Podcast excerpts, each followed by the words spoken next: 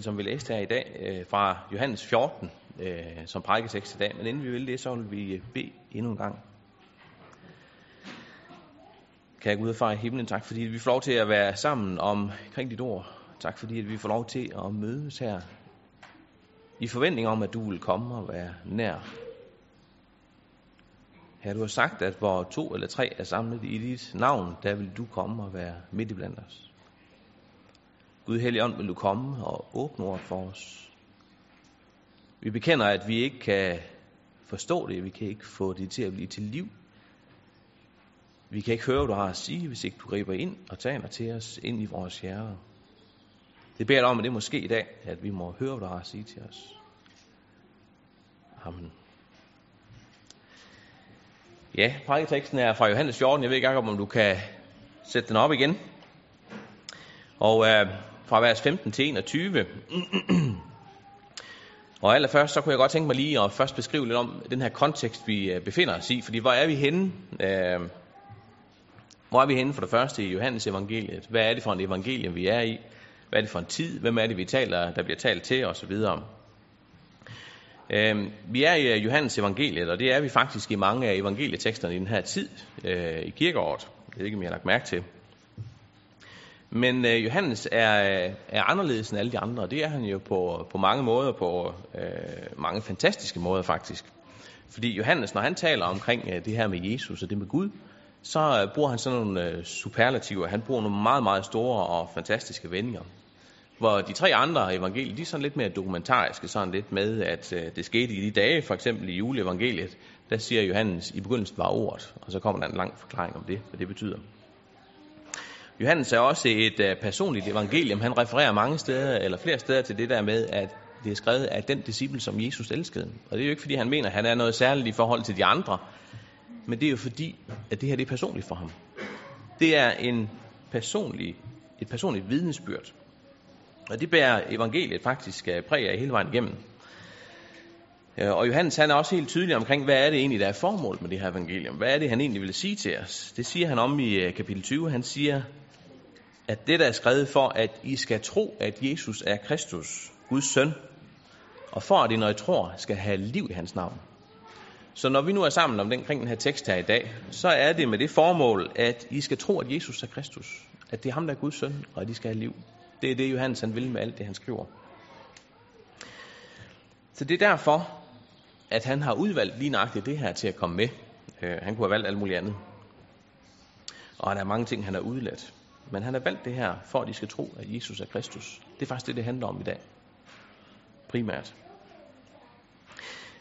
Hvis vi så kommer ind i den her øh, tekst her, så befinder vi os i kapitel 14, og det er sådan, at vers 13-17, øh, det er faktisk øh, skærtorsdag aften. Det er egentlig overhovedet ikke noget med pinsen at gøre sådan rent øh, tidsmæssigt. Det er skærtorsdag aften, lige inden at Jesus han skal forlade dem. Og hvad er det, øh, der er så interessant ved det? Jo, det er det interessante ved det, at hvad siger man den sidste aften, hvad siger man, hvis man kun har en, øh, en aften tilbage? Og der siger han de ting, han kom med her øh, fra vers 13 til 17. Det er sidste chance over for disciplene. Fordi det er disciplene, der er her. Det er faktisk ikke alle mulige andre jøder og interessante mennesker. Nej, det her det er en tale til disciplene på den sidste aften, vi er inde i. Så hvad er det, han vil sige til os? Hvad er det, Jesus han vil sige? Hvad er det, der er hans aller sidste budskab til dem, som hører ham til? Det er den kontekst, vi kigger ned i. I vers 15, øh, kapitel 15, der siger han, at de er blevet hans venner. De er ikke længere tjener, men de er venner. De har fået et andet forhold til Jesus. De kender ham bedre, end de nogensinde har gjort før. Det var ikke som for tre år siden, hvor de var tjenere. Ej, nu er de venner, fordi de ved, hvem Jesus han er, og de ved, hvad han vil. Vi har også læst fra Apostlenes Gerninger, hvor vi kan se, hvad der sker den dag, ånden kommer pinsedag. Se, øh, det græske ord for 50, det er Pentekoste, og Pentekost på engelsk, det betyder pinse, og det er det, det kommer efter her øh, navnet. 50, det er 50 dage efter påske, og det er 10 dage efter Kristi himmelfart. Og de her ord fra Jesus, de er talt som en forberedelse til os og til disciplene. Hvad er det, der kommer til at ske? Hvad er det, der sker efter, at Jesus han er taget bort? Hvad skal der nu ske?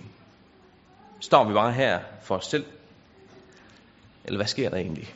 Og Jesus han fortæller i den her aften, der fortæller han om, at verden vil hade dem. Han fortæller om, at der går kun en kort tid, så kommer han tilbage. Det tror jeg faktisk, jeg var selv i vores prædik om for et år siden cirka. At om en kort tid, så kommer han tilbage igen. Det fortæller han om. Så fortæller han, at vi skal være tjenere for hinanden og mange andre ting. Og alt det her, det er sagt, fordi at nu skal vi klappe ørerne ud, os som hører Jesus til. Hvad er det, der er så vigtigt at få med, inden han tager afsted? Og det er nu. Så hvis vi kigger på dagens tekst, så noget af det første, der springer i øjnene, det er det, vi kan læse i vers 16. Noget af det første, jeg stusser over, og igen i vers 21, hvor der står, elsker I mig, så hold mine bud. Og igen nede i vers 21, den, der har mine bud og holder dem. Han er den, der elsker mig, og den, der elsker mig, skal elske til min far. Også jeg skal elske ham og give mig til kende for ham. Og går vi om i vers 15, kapitel 15, vers 14, så siger han noget tilsvarende. Han siger, I er mine venner, hvis I gør, hvad jeg påbyder jer. Ja, det er jo faktisk noget af det, som jeg stusser over i forberedelsen på den her prædiken her. Elsker I mig, så hold mine bud. Og på en måde er det jo logisk. Hvis ikke vi holder hans bud, så må det være, fordi vi ikke elsker ham. Fordi den, man elsker, har man jo lyst til at øh, gøre imod, som de gerne vil have det. Og så siger Jesus det her, at de skal være lydige. Og man kan næsten tolke det sådan, at ulydigheden må betyde det modsatte, at vi ikke elsker ham, når vi hører det her. Og det synes jeg egentlig, det er bemærkelsesværdigt, det han siger. Prøv at høre vers 21 igen. Og så siger vi der, hvad står, den der har mine bud, punkt 1. Og den der holder budene, punkt 2. Punkt 3, han er den, der elsker mig. Punkt 4. Hvis du elsker Jesus, så vil faderen også elske dig. Punkt 5. Så vil Jesus elske dig og give dig selv til kende. Så det er sådan en logik i det her. Hvis vi elsker ham, så holder vi hans bud.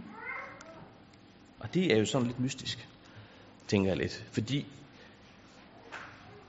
da jeg gik i søndagsskole og gik til junior og så videre, der synes jeg, jeg hørte noget andet. Jeg synes faktisk ikke, det var det, der var budskabet. Så jeg tænker lidt, det er lidt mærkeligt, det her. Skal jeg gøre mig fortjent til hans kærlighed? Hvad er det, Jesus han mener her? Det er lidt mystisk. Så jeg kender en, han har sådan en tatovering lige, lige her. Der står, Jesus elsker mig, og han går ind imellem i shorts. Og så er der et billede af, af Jesus. Øh, og det er da egentlig øh, et godt budskab. Øh, men det kunne da være, at jeg skulle ringe til ham lige og sige, du glemte lige at få det der med, hvis du holder min bud. For det er jo det, Jesus han siger. Hvis du holder min bud, så elsker jeg dig. Men det har han ikke skrevet, ham der lavede den her tatovering. Og det, det er ikke mig selv. Kigger vi lidt ned i de her vers, så er de faktisk sådan på overfladen nemme at forstå og logisk at forstå. Men alligevel så er de lidt vanskelige at håndtere. Jeg synes faktisk, det er lidt på en måde modsigende i forhold til alt det tidligere, jeg har lært omkring Jesus og hans kærlighed og hans betingelsesløse kærlighed osv. Hvad er det, Jesus han mener her? Det synes jeg godt nok er lidt underligt. Luther han siger jo, at de utydelige ord i Bibelen, dem skal vi tolke med de tydelige øh, og se det i et større perspektiv. Og så siger Luther også, at Bibelen den skal læses som med den kontekst, at Kristus er, Jesus er Kristus, og han er Guds søn, og det handler om evangeliet om Jesus. Så når vi tolker Bibelen, så skal vi have de briller på, at det er egentlig det, og det er også det, Johannes han siger, det her det er fordi, I skal lære, at Jesus er Kristus, og der er liv i ham. Så det er de briller, vi skal have på, også når vi læser det her, som ser mærkeligt ud på overfladen. Så må vi også udvide det her lidt at sige, hvad er det egentlig, Johannes han i det hele taget siger, hvad er det her, det her afsnit handler om. Fordi hvis vi bare lige plukker øh, seks vers, så tager vi tingene ud, meget ud af en sammenhæng. Og så er det, at vi nemt kommer til at få det galt i halsen. Den skarpe vil nok lægge mærke til, at øh, der er et anførselstegn allersidst i, i teksten. Øh, og det er faktisk ikke øh, anførselstegn, der begynder i vers 16. Hvis vi skal finde det her citat af Jesus, så skal vi helt op i vers 9 faktisk. Så vi dykker ned i et uddrag af noget, som Jesus han siger her. Og det skal vi lige holde os for øje. Det er ikke helt smart bare lige at kigge på de seks vers isoleret set. Øh, Jesus han svarer på et spørgsmål, øh, eller et udsagn egentlig fra Filip, hvor han siger op i vers 8, Herre, vis os faderen, og det er nok for os. Det er faktisk det svar, som vi er ved at kigge på. Ja. Generelt så kan man sige om Johannes, han har et tema, som er fremtrædende. Det er det tema omkring øh, forholdet mellem Jesus og faderen. Øh, mellem sønnen og faderen. Og det er noget det, han har udvalgt. Og kigger vi øh, tilbage, så handler Johannes rigtig meget omkring jødernes undren og jødernes spørgsmål. Sige, hvem er Jesus? Og Jesus han fortæller dem en hel masse om, at han er udsendt fra faderen. For eksempel spørger de ham direkte i kapitel 8, vers 25, siger, hvem er du? Vil vide det. Hvem er du, Jesus? Hvem er du? Hvad er du for en fyr? Og Jesus han giver dem blandt andet det svar, at han er til før Abraham. Så de har jo undret sig enormt over, hvem er Jesus, de her jøder? Johannes han vælger at fremtrække nogle ting, som er det med, at Jesus er livets brød. Han vil øh, pege på, at Jesus han er hyrden. Han vil pege på, at han er den, som der er profeteret om i Gamle Testamentet, fordi Johannes han vælger at tage de her gerninger, de her tegn frem. Så Johannes han peger på, at Jesus er Messias. Det er væsentligt for ham. Jesus er med andre ord udsendt fra faderen. Og det er relevant i den her tekst. Øh, om i kapitel 17 læser vi Jesus sidste bøn, at Jesus han igen fremhæver det der med, at han og faderen, de er ét. Så Jesus er ikke bare sig selv, han er udsendt fra faderen, og de er ét. Og jøderne, de har været farvet. De har været virkelig farvet. Øhm, men disciplene, de er faktisk også svært ved at forstå det her. Øhm, vi kan jo læse det der. Øh, Jesus han forklarer det igen i hans svar til Filip, Og han siger i vers 10, Tror du ikke, at jeg er i faderen, og at faderen er i mig? Tror du ikke det, Filip? Er du ikke klar over det? At vi to, vi hører sammen, faderen og jeg. Tror du ikke det? Og så kan man godt tænke sig sådan lidt i at, at tænke lidt ligesom Philip, øh, lidt omkring det her øh, spørgsmål fra Philip, der med øh, viser os faderen, når det er nok for os. Og det kan man jo godt sådan, når man kender historien og, og, og kender Bibelen, så kan man godt, øh, ja, hjemme ved os, der kan vores teenagebørn, de kunne aldrig finde på at himle med øjnene, hvis man stillede et dumt spørgsmål. De gør sådan her. Og man kan godt nogle gange tænke, tænke lidt med Philip. Dumt spørgsmål. Dumt spørgsmål, Philip. Vis os faderen, når det er nok for os. Dumt. Men det er faktisk ikke så dumt et spørgsmål, øh, det Philip han kommer med her. Hvis vi skal forstå, hvorfor Philip han siger det her, så er det fordi, han hele hans barndom, hele hans jødiske opdragelse, der er han blevet lært og bedt dagligt, for eksempel Herren, hvor Gud, Herren er en.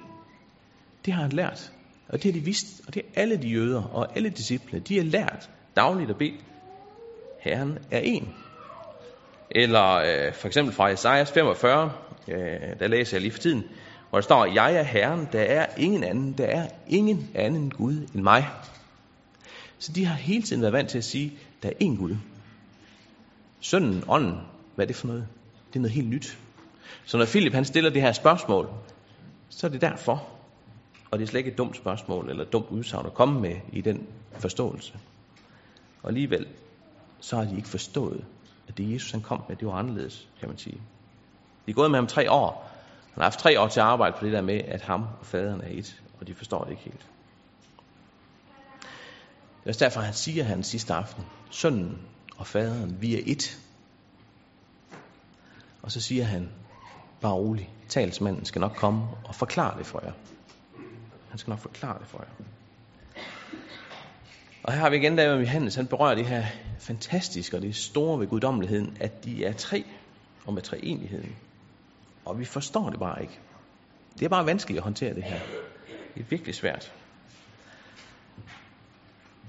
Jesus han omtaler sig selv med Guds navn mange steder, fordi han siger om sig selv, at jeg er, hvilket er Guds betegnelse om sig selv i Gamle Testamente. For eksempel i 8.24, hvor han siger, hvis I ikke tror, at jeg er den, jeg er, skal I dø jeres sønder. Han siger, når I får ophøjt menneskesønnen, der skal I forstå, at jeg er den, jeg er. Og at jeg intet gør af mig selv, men som faderen har lært mig, sådan taler jeg. Og så kommer det, øh, der kommer flere eksempler øh, på det der med, at han bruger Guds ord om sig selv. Det er det, der handler om. Faderen og sønnen er et. Og endnu det aller stærke sted, det er faktisk i Johannes 18, øh, lidt længere fremme på aftenen, på den selv samme aften, hvor vi kan læse om anden holdelsen af Jesus ude i Gethsemane. Jesus, som vidste alt, hvad der skulle ske med ham, gik ud til dem og spurgte, hvem leder I efter? Jesus fra Nazareth svarede de. Han sagde til dem, det er mig. Og på græs, der betyder det det samme. Så Jesus han siger også der, jeg er Gud. Og hvad sker der?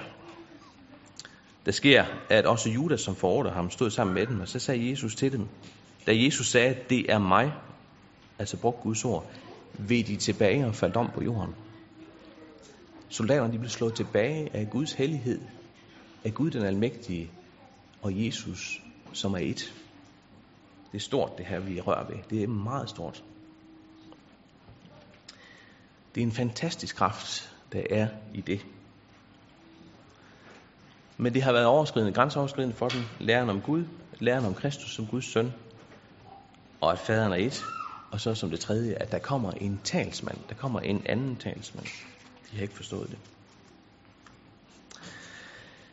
I vers 16 står det der med en anden talsmand, og det betyder egentlig faktisk, at det er en lignende talsmand. En ting er, at I har faderen, så har I sønnen, de er et, så kommer der noget, som er lignende. Der kommer altså en tredje part, som er lignende det, som allerede har været der. Og åndens opgave, den er klar, det er at forklare det her med, at sønnen og faderen, de er et. Det kan vi læse om i kapitel 16, at det er det, der er opgaven. Og lidt længere over i vers 26, der står der sådan i kapitel 14, at talsmanden Helligånden, som faderen vil sende i mit navn, han skal lære jer alt og minde jer om alt, hvad jeg har sagt til jer. Talsmanden, han skal pege på Jesus.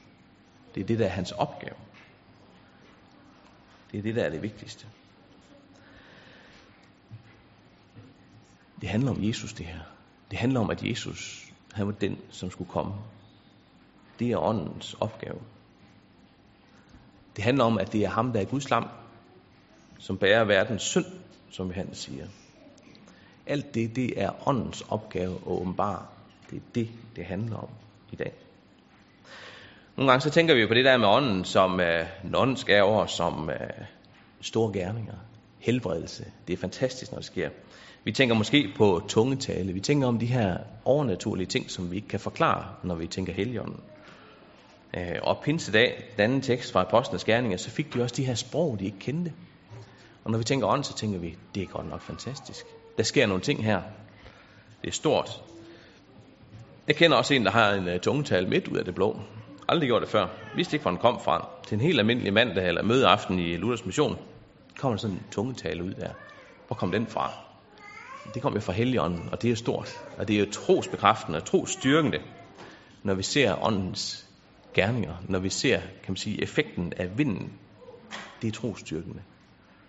Det er virkelig stort. Men ånden har kun et formål, og det er at forkynde Kristus. Det er det, der er formålet. Ikke at skabe store aha-oplevelser med alle mulige undergærninger. Skriften siger også, at det faktisk kun er ånden, der kan give os troen. Så hvis vi har troen, så har vi ånden i os. Talsmanden, det er det eneste link, som kan forklare det her mellem faderen og sønnen. Det er det eneste, som kan åbne os op for det. Paulus han siger det sådan, at Kristus hemmeligheden er åbenbaret ved ånden, siger han om i 1. Korinterne 2. Teksten fra øh, Gamle Testamentet fra Jeremias, som vi også læste før, øh, den taler om en ny pagt. Jeg ved ikke, om du kan finde den, ja, hvis du kører tilbage. Øh, der tales om en ny pagt. Der tales om, at der sker noget andet. Der tales om, at Guds lov lægges i hjerterne den dag på menneskene. Det betyder, at alle vil komme til at kende Gud, når ånden kommer. Gamle testament bruger en terminologi, at folk de havde et hjerte af sten, men nu skulle de altså have et hjerte af kød. Et dødt hjerte, nu skulle de have et levende hjerte. Sådan taler Guds ord i Gamle Testamente. Vi taler om, at når ånden kommer, så vækkes der en anden holdning til Gud. Så ændres den anden attitude til Gud. Så kommer Gud til at flytte ind i vores liv. Og det er altså mærkeligt. David han siger i salme 51, giv mig på ny en fast ånd. efter hans syndefald i hans store bodsalme. Giv mig på ny en fast ånd. Flyt ind i mig igen, Gud. Virk det i mig. Virk det i mig. Der skal ske noget andet. Der skal være noget ind i mig, der virker det anderledes. Og profetien her fra Jeremias, den går i opfyldelse pinsedag. Den dag flytter de ind, flytter Guds ånd ind i den. Den dag, fra den dag, bliver menneskene bekendt med Guds vilje. Fra den dag, der fødes der i enhver kristen en vilje til Gud. Vi bliver vendt med at have ryggen fra Gud til at have fronten, eller ryggen mod Gud til at have fronten mod Gud. Der sker noget her med Guds ånd. Det er faktisk ikke min gode vilje, men det er ånden, der gør det her.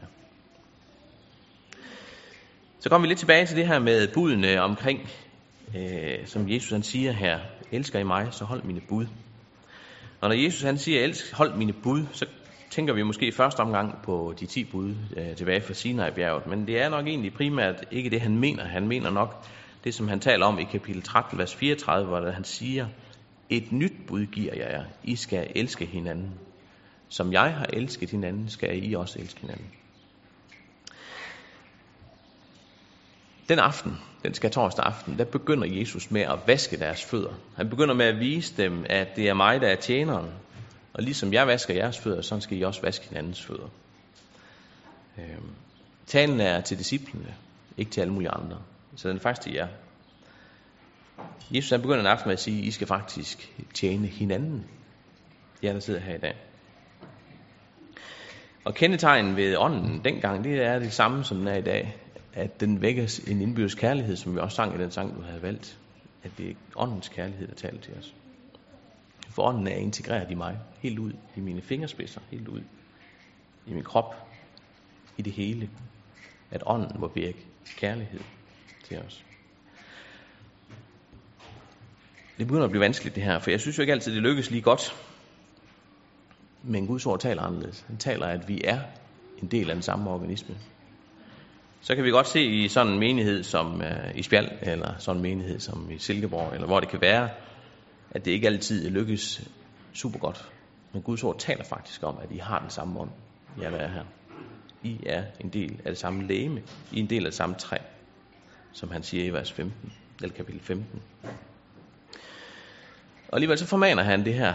Og det kan vi ikke bare sige, om det er dejligt, så har ånden styr på det. Så kan jeg jo sætte fødderne op, og vi skal også videre, og kan ikke snart blive færdig, ham prædikanten, så vi kan komme hjem, øh, for ånden har styr på det her.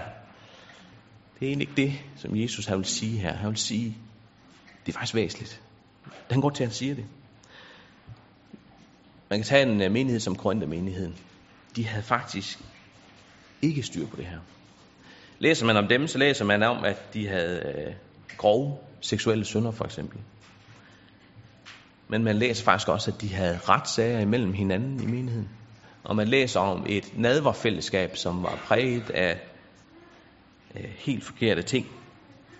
De var ikke sammen i tjenesten heller. De var en slags konkurrenter. Og til dem siger Paulus, I er et tempel for helligånden. Det skal I huske. Dig som er her i dag, du er et tempel for helligånden. I skal være fælles i tjenesten for hinanden. Jeg ved ikke, om det er relevant for dig, den her tale i dag. Om der er noget, som du tænker, det kan være, at jeg har det lidt ligesom menigheden.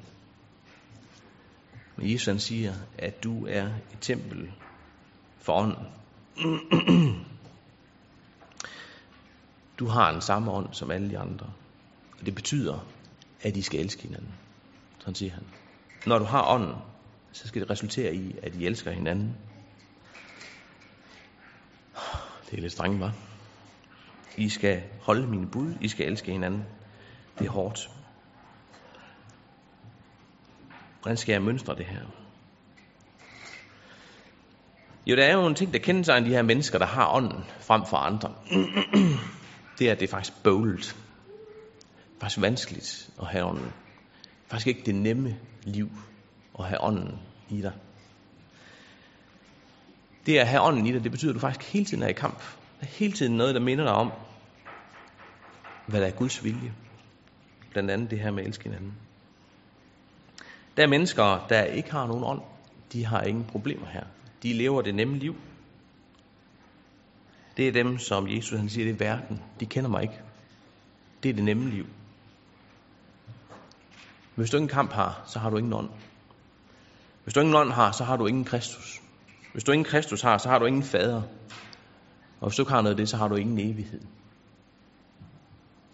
Sådan er det. Galaterne 5 taler om at holde åndens lyst og kødets lyst op mod hinanden, og det er det, vi lever i. Hele tiden bliver vi mindet om kødets lyster. Det, som er Gud imod.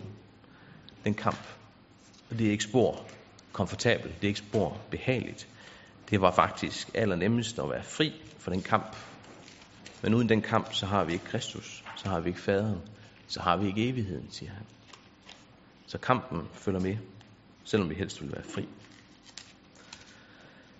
Galaterne 5, vers 22, der står der, at åndens frugt derimod, det er kærlighed, det er glæde, det er fred, det er tålmodighed, det er venlighed, det er godhed, trofasthed, mildhed, selvbeherskelse. Alt det, det er åndens frugt i os. Så når Jesus han siger, hold mine bud, så siger han, lad ånden leve i jer.